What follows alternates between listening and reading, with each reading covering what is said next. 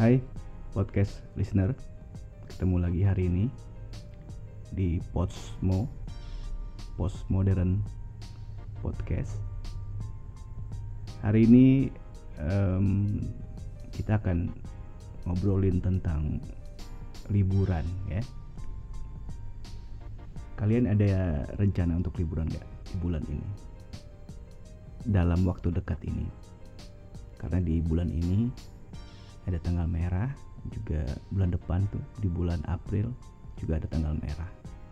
Biasanya itu uh, yang ditunggu-tunggu uh, bagi orang-orang uh, yang bekerja yang rutinitasnya Senin sampai Jumat dari pagi sampai sore ngantor setiap hari sampai hari Jumat itu biasanya tingkat jenuhnya tinggi ya.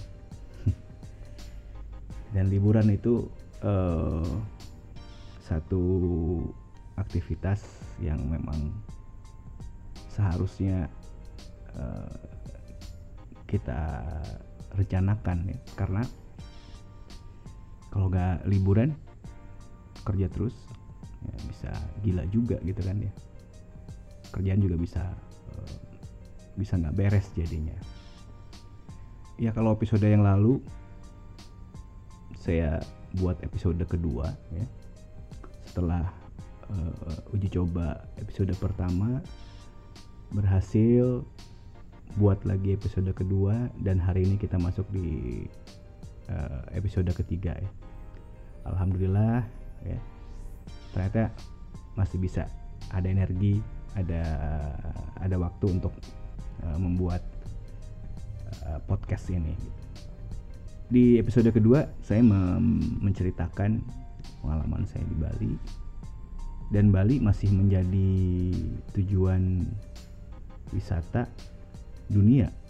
Nggak hanya uh, kita yang uh, orang Indonesia ya orang luar dari Indonesia pun pasti ingin ke Bali gitu ada satu uh, situs berita atau situs gaya hidup yang apa situs ini ya apa website uh, tentang traveling gitu yang menempatkan Bali di urutan kelima tempat wisata yang dikunjungi yang ingin dan dikunjungi oleh wisatawan di seluruh dunia ya. jadi uh, Bali nomor 5 nomor 1 sampai 4 yang itu kalau nggak salah uh, Eropa ya. Dan Indonesia Bali Asia berada di berada di nomor 5 hal yang membanggakan pastinya untuk industri wisata dan kebudayaan Indonesia. Ya Bali uh, selalu ada yang baru di sana.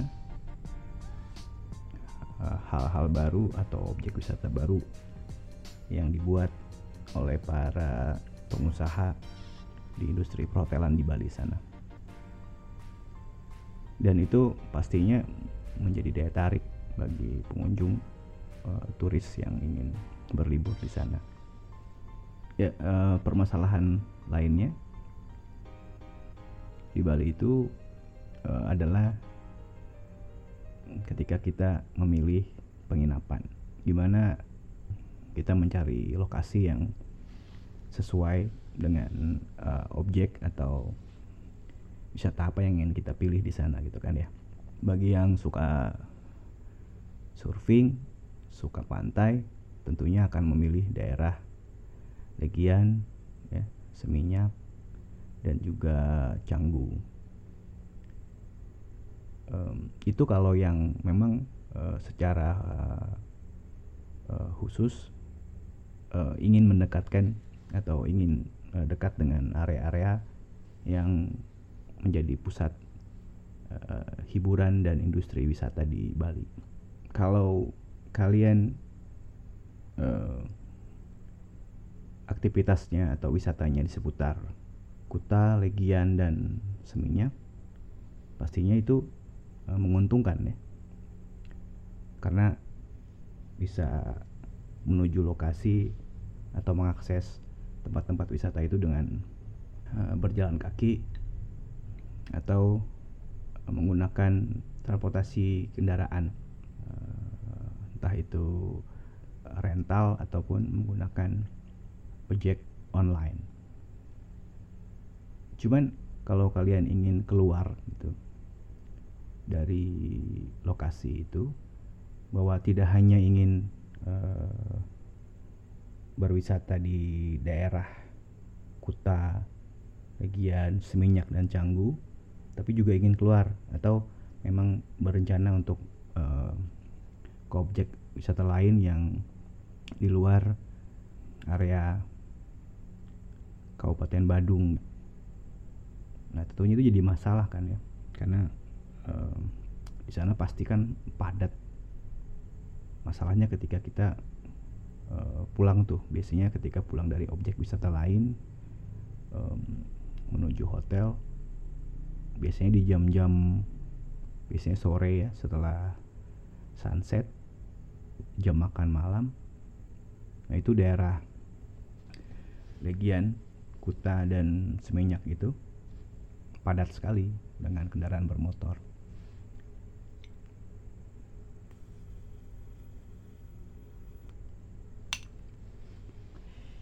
dan itu cukup menyita waktu ya. jadi kita um, untuk masuk atau menuju hotel yang kita uh, inapi itu memerlukan waktu. Memerlukan waktu cukup lama ya.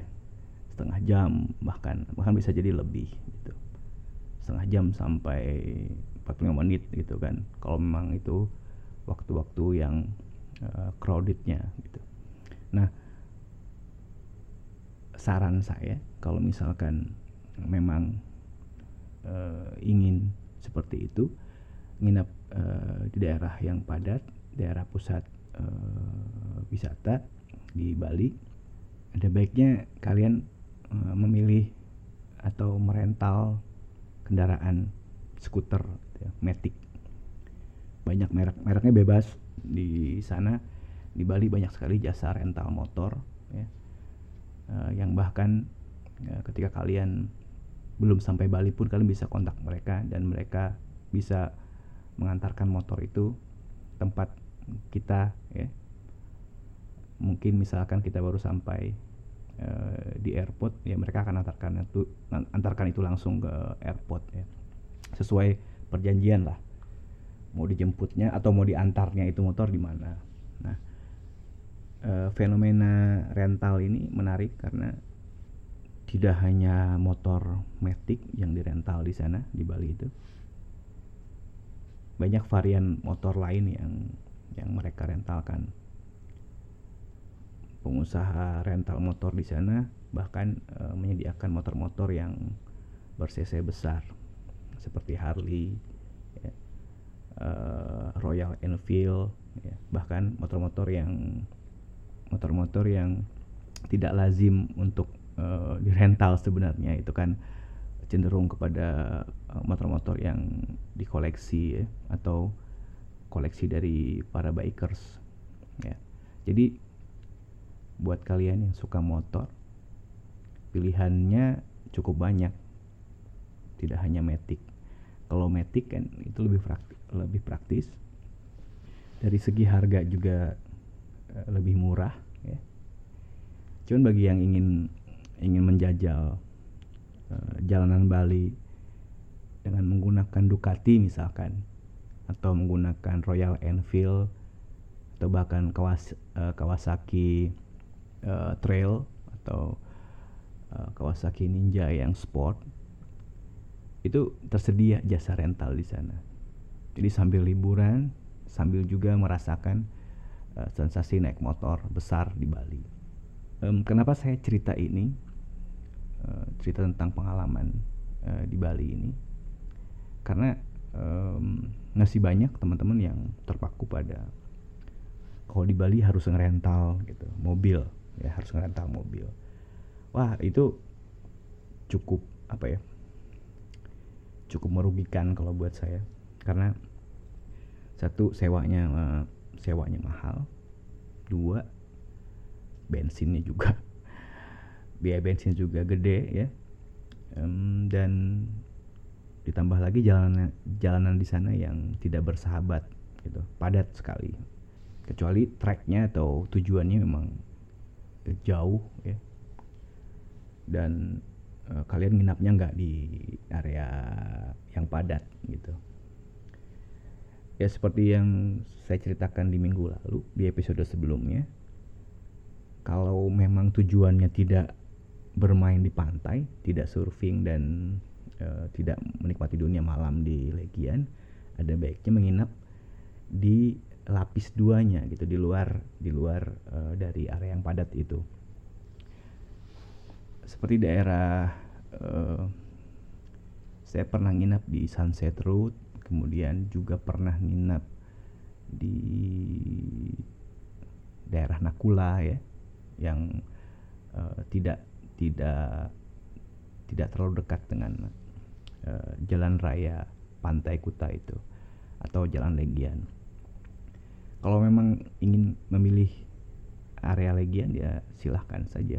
Cuman itu tadi uh, itu akan membantu kalau kalian memang hanya fokus uh, berniat untuk menghabiskan uh, banyak waktu selama liburan di daerah itu gitu. Baik lagi ke cerita motor tadi itu. Ya. Saya termasuk yang suka naik motor gitu. Jadi kalau naik motor itu berasa berasa lepas aja ya, ada kebebasan begitu. Nah, di Bali itu salah satu daerah yang sangat asik, sangat mengasihkan untuk eh, dijelajahi dengan motor gitu. Ditambah lagi sekarang gitu ada tol uh, tol Bali itu, tol namanya Mandali, tol Mandalika ya. Ba, apa? Sorry, bukan. uh, Bali Mandara apa gitu namanya uh, dan itu tol yang satu-satunya membolehkan uh, motor roda dua atau kendaraan bermotor roda dua untuk melintas di tol itu. Dan uh, yang perlu diketahui dan perlu diingat juga um, tol itu sudah menggunakan pembayaran elektronik. Jadi ada baiknya kalian uh, mempunyai ketika berlibur ke Bali menyiapkan kartu pembayaran elektronik ya. Semacam e-tol begitu yang sudah disediakan banyak banyak jasanya ya. Banyak bank-bank uh, swasta yang menyediakan itu. Bank negeri dan swasta yang menyediakan kartu pembayaran elektronik itu. Seperti um, flash gitu ya. BCA flash ataupun Brizi kalau uh, dari Bank BRI itu. Jangan lupa bawa itu, kemudian uh, siapkan identitas. Biasanya rental motor itu menerima identitas berupa SIM, uh, eh, KTP dan juga uh, NPWP itu juga bisa digunakan. Mereka menerima itu. Um, untuk biaya metik di bawah 100 ya kalau jenis motor uh, supermoto gitu uh, seperti KLX itu atau Kawasaki W175 itu kemungkinan di atas 100 ya 150 uh, 150-an gitu ya harganya sekitar itu per harinya nah kalau Ducati Moge itu mungkin uh, kalau Ves sorry saya akan bahas dulu. Ves Vespa Vespa itu 150 um, kemungkinan Ducati yang cc-nya besar Ducati Kawasaki yang cc besar atau bahkan Royal Enfield itu di atas 300 ya untuk rental per harinya ya lumayan kan ya bisa menjelajah Bali dengan menggunakan motor yang mungkin kalian pengen eh, nggak uh, mesti beli gitu ya uh, belum punya tapi bisa coba di Bali ya sambil uh, wisata. Jadi kalau misalkan pakai motor terutama uh, Matic gitu. Secara apa ya? Secara energi itu menguntungkan karena uh,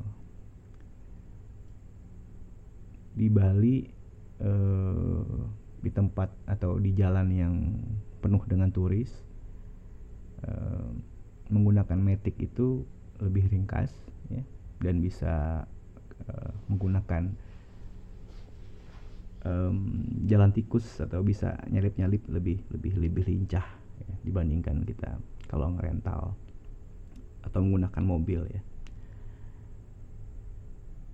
Um, selain itu, ya itu di jalan di Bali juga uh, bagus kualitasnya, aspalnya memang uh, baik. Jadi kalau memang uh, kita berkendara itu relatif nyaman sebenarnya. Dengan dibantu tol sekarang kalau misalkan ingin ke Nusa Dua atau ke Uluwatu dari da dari area Kuta itu lebih lebih cepat gitu ya dengan menggunakan tol itu. Walaupun tidak pakai tol juga bisa hanya yang pasti mungkin bisa jadi lebih lama ya, lebih capek karena uh, tadi macet ya. Bali emang uh, kalau musim libur apalagi di musim high season luar biasa. Uh, akhir tahun biasanya itu ampun ya. Jalanan di Bali ampun-ampunan. Kalau nggak percaya coba aja ya.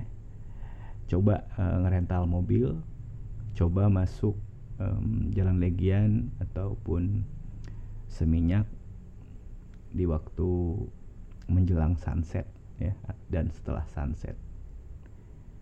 Rasakan aja sensasinya. Gempor yang pasti. Ya jadi itu uh, keuntungan kita ngerental di Bali dibandingkan kita menggunakan ya kalau kalau uh, menggunakan transport uh, Gojek online gitu atau ojek online bisa Gojek bisa Grab.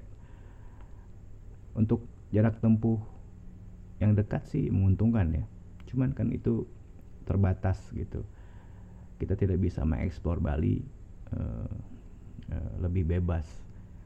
Kalau misalkan kita ngerental itu jadinya uh, kita uh, lebih lebih lebih mudah gitu dalam merencanakan uh, daerah uh, objek tujuan wisata yang ingin kita tuju. Misalkan saya pernah tinggal di Canggu yang areanya jauh dari pusat industri hiburan Bali ya. Walaupun di Canggu itu ada beberapa bar yang yang yang seru itu ya. Ada beberapa beach club yang asik cuman uh, memang daerah Kuta tetap Kuta Seminyak tetap menarik untuk dikunjungi gitu. Nah dengan dengan adanya metik itu dengan rental metik itu lebih ringkas gitu. Misalkan pagi pagi sampai siang di Canggu eh, main di pantai eh, Batu Bolong atau pantai Berawa siangnya setelah makan siang atau sorenya menuju Seminyak misalkan. Ngopi di Seminyak misalkan gitu ya. Nah itu bisa lebih mudah gitu dan pasti murah karena kita hanya bermodalkan uh, bensin. Jadi uh, asalkan bensinnya full tank ya kita bisa ke mana aja gitu kan. Nah itu lebih ringkas. Misalkan siang di Seminyak terus uh, pengen makan uh, ikan bakar di Jimbaran misalkan. Kalau menggunakan uh, transport uh, online biayanya pasti mahal gitu. Kalaupun kita ngerental dengan supir ya itu itu hanya uh, uh, bisa jadi lebih murah. Cuman kan biasanya tidak 24 jam kan ya hanya 12 jam. Start jam 8 pagi jam 8 malam sudah beres begitu. Dan itu uh, terbatas kan memang gerak kita jadinya.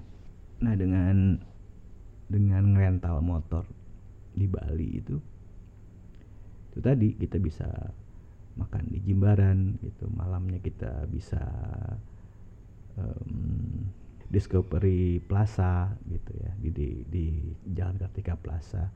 Atau kita ke Trans Mall ya Trans Studio Mall di Bali Kuta Square begitu. Lebih lebih ringkas gitu. Dan habis dari sana ya kembali lagi misalkan sudah puas di Kuta uh, balik lagi ke mana? Ke Canggu atau atau uh, pengen ke Sanur gitu bebas gitu. Dan itu menurut saya sangat sangat menguntungkan dan lebih lebih fleksibel. Di samping itu sensasi ek motor di Bali itu memang mengasihkan ya. Ya jadi dengan Matic itu kita lebih mudah mengeksplor uh, Pulau Bali dalam sehari kita bisa ya mungkin bisa 2 sampai tiga tempat ya. Pagi di Kuta kemudian sore yang mau ke Nusa Dua lebih gampang ya. Uh, ada Matic kemudian ada smartphone untuk memantau atau melihat jalan ya menggunakan GPS ya. Untungnya itu sekarang kan. Ada teknologi itu jadi uh, hampir hampir tidak mungkin kita tersesat kalau kita bisa membaca GPS itu dengan baik gitu. Ya jadi uh, Canggu, Kuta, Nusa Dua, Uluwatu, ya, Sanur itu uh, uh, bila kita uh, ke gitu, ya, dengan menggunakan motor satu kita sampai tujuan di sana dengan cepat kedua selama perjalanan ke sana itu itu juga uh, satu pengalaman yang menarik gitu ya pengalaman yang menyenangkan. Naik motor berkendara uh, santai dengan uh, dalam posisi uh, liburan gitu kan. Uh, jadi kita dapat dua keuntungan sampai lokasi tujuan wisata cepat ringkas kedua kita uh, bisa menikmati uh, suasana Bali uh, dan hobi bermotor jadi tersalurkan begitu ya itu cerita podcast di episode ketiga tentang rental motor itu sangat membantu dan pra lebih praktis ketika kita uh, wisata di Bali. Nanti di episode berikutnya mungkin saya akan bahas tentang uh, objek wisata di Bali yang yang yang seru-seru ya. Di Sanur ada apa? Di Nusa Dua itu ada apa? Di Jimbaran kita bisa menikmati objek yang mana gitu kan?